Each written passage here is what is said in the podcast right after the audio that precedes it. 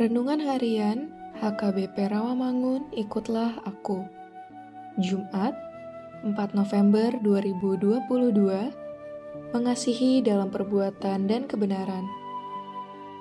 Bacaan pagi ini diambil dari kitab Kolose 3 ayat 12 sampai 17 Bacaan malam ini diambil dari kitab Daniel 2 ayat 27 sampai 49 dan kebenaran firman Tuhan hari ini akan kita dengarkan dari kitab 1 Yohanes 3 ayat 18 yang berbunyi Anak-anakku, marilah kita mengasihi bukan dengan perkataan atau dengan lidah, tetapi dengan perbuatan dan dalam kebenaran.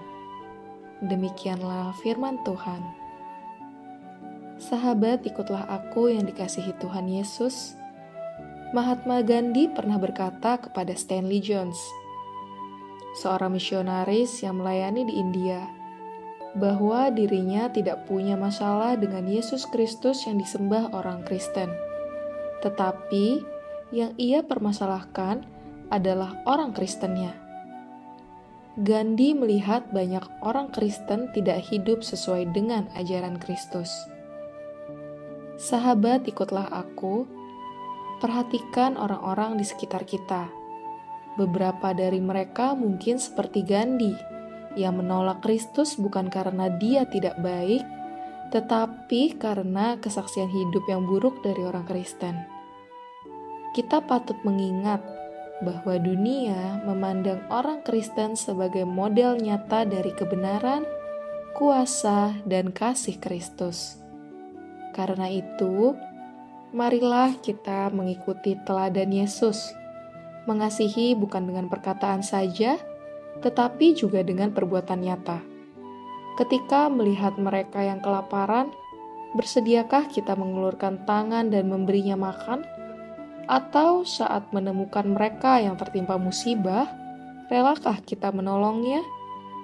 Kasih memampukan kita melihat kebutuhan orang lain sebagai suatu kewajiban Kasih menggerakkan hati untuk memberi perhatian, mendoakan, dan membagikan kasih Kristus kepada mereka yang membutuhkan kasih. Amin. Marilah kita bersatu di dalam doa. Tuhan Yesus, ajarkan dan ingatkan kami agar selalu mampu memakai hidup kami sebagai orang yang selalu setia melakukan kebenaran-Mu. Amin.